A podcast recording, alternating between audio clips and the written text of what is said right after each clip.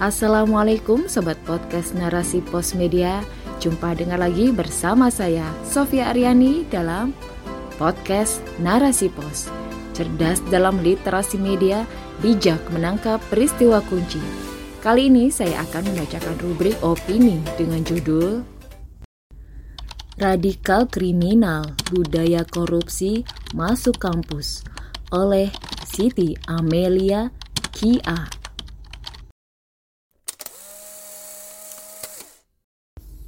Menghapus budaya korupsi tidak cukup dengan slogan semata. Membangun karakter berintegrasi tidak cukup dengan pelatihan-pelatihan saja. Teriak-teriak anti radikalisme belum tentu anti korupsi. Inilah negeriku. Berita baru-baru ini cukup menghentakkan dunia pendidikan. KPK menetapkan Rektor Universitas Lampung atau Unila Profesor Dr. Karomani sebagai tersangka kasus suap proses penerimaan mahasiswa baru jalur khusus, yaitu seleksi mandiri masuk Universitas Lampung atau Simanila. KPK menyebut Karomani mematok harga mulai dari 100 juta rupiah sampai 350 juta rupiah per mahasiswa agar diluluskan masuk Unila. Dalam OTT tersebut, KPK juga mengamankan tujuh orang, termasuk menetapkan Wakil Rektor Bidang Akademik Heriadi dan Ketua Senat Unila M. Basri sebagai tersangka. Teriakan kencang. Kasus korupsi Rektor Unila ini sebenarnya ibarat gunung es Kasus ini menambah daftar-daftar kasus korupsi di negeri ini, mulai dari hulu hingga hilir, mulai dari dunia pendidikan hingga perpolitikan. Korupsi di dunia pendidikan, khususnya perguruan tinggi, sesungguhnya sangat banyak. Hasil pantauan Indonesia Corruption Watch atau ICW sejak tahun 2006 ditemukan lebih dari 12 pola korupsi yang terjadi di lingkungan perguruan tinggi. Namun kali ini yang menjadi fokus perhatian dari kasus korupsi Rektor Unila ini adalah sang rektor dikenal sangat vokal mengkampanyekan anti radikalisme di perguruan tinggi yang ia pimpin. Dalam setiap kesempatan, Karomani selalu aktif menyuarakan paham anti radikalisme, sangat kencang meneriakkan NKRI harga mati dan saya Pancasilais. Namun berujung kepada OTT KPK Lalu, radikalisme seperti apa yang menjadi patokan kampanyenya, sedangkan ia saja lebih-lebih dari kata radikal? Rusaknya sistem pendidikan karena sistem sekularisme. Tercorengnya dunia pendidikan di negeri ini tidak sekali dua kali saja. Kasus korupsi, kekerasan seksual, tindakan amoral, bullying di sekolah kerap menjadi kasus yang tiada henti. Bagaimana bisa lembaga pendidikan yang diharapkan mampu melahirkan sumber daya manusia yang bertakwa, berkualitas, berintegritas tinggi, nyatanya keropos dan rusak dengan berbagai kasusnya? Tentu kondisi ini sangat mengkhawatirkan, terlebih lagi praktik korupsi, kolusi, dan nepotisme banyak terjadi dalam dunia pendidikan kita. Siapa pun pasti sepakat bahwa korupsi tergolong kejahatan luar biasa Rata-rata saat ini seluruh dunia belum terbebas dari praktik korupsi. Lalu, apakah hal tersebut dianggap sebagai suatu kewajaran? Sehingga problem besar ini turun-temurun seakan menjadi warisan sebuah negeri walaupun rezim berganti rezim. Tentunya pergantian rezim tanpa pergantian sistem akan tetap berulang karena yang menaungi sistem dunia saat ini adalah sekularisme. Rusaknya pendidikan politik, generasi, dan lain sebagainya sangat berhubungan dengan dipisahnya aspek agama dari negara.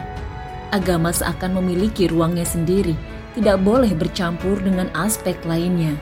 Padahal dengan adanya agama dalam setiap tindak tanduk kehidupan kita, otomatis sebagai sebuah alarm serta tata tertib yang harus kita laksanakan atas dasar takwa.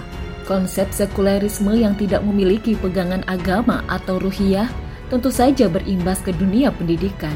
apalagi konsep negara sekuler yang tidak memiliki fungsi riayah atau pengurusan dan junnah atau penjaga sangat berimbas kepada mekanisme kepengurusan negara. Negara menyerahkan kepengurusan kepada pasar atau kapital sehingga tak dapat dimungkiri pendidikan saat ini mahal dan sangat membuka kesempatan pada praktik korupsi.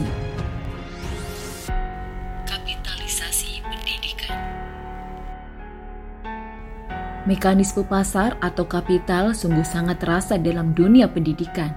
Maka tak heran biaya masuk dan biaya jalannya pendidikan jor-joran sangat-sangat mahal.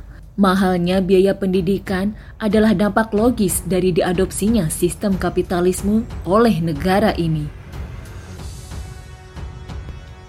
Peran negara dalam ideologi kapitalisme sangat minim sekali negara tidak banyak terlibat dalam menangani urusan-urusan masyarakat. Negara memang dibuat tidak mampu membiayai penyelenggaraan urusan masyarakat. Otomatis, mekanisme pasar akan bekerja. Sistem kapitalisme juga mengharuskan pengelolaan urusan masyarakat diserahkan kepada swasta Privatisasi berbagai sektor memang tujuan kapitalisme agar dengan begitu negara tidak memiliki sumber pendapatan dari sumber-sumber kekayaan alam secara mandiri sehingga membuat negara tidak mampu membiayai berbagai urusan masyarakat termasuk pendidikan.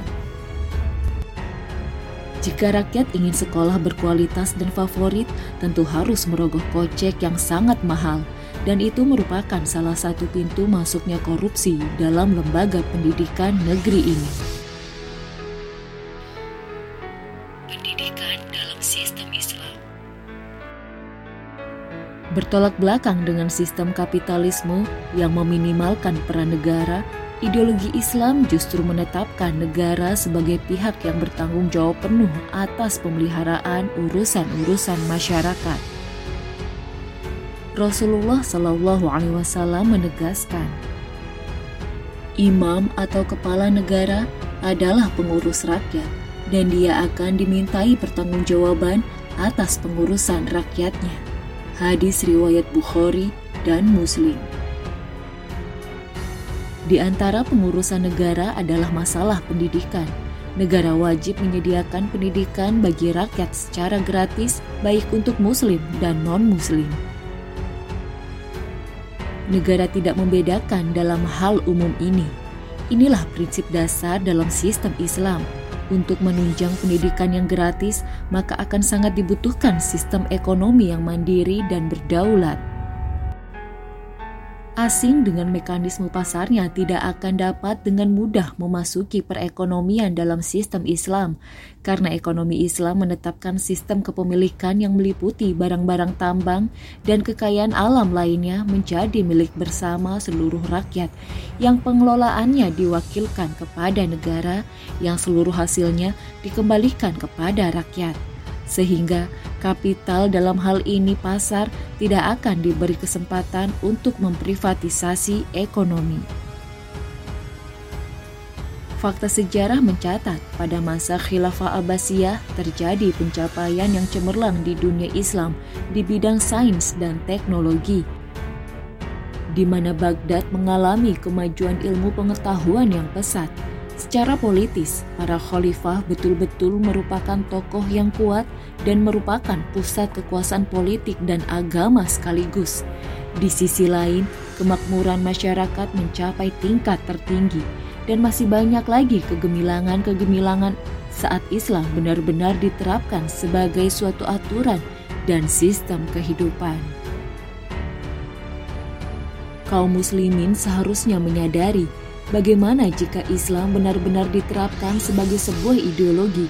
Selain kewajiban berislam secara kafah terlaksana, ketakwaan dan kesejahteraan pun akan diraih. Wallahu a'lam bisawab.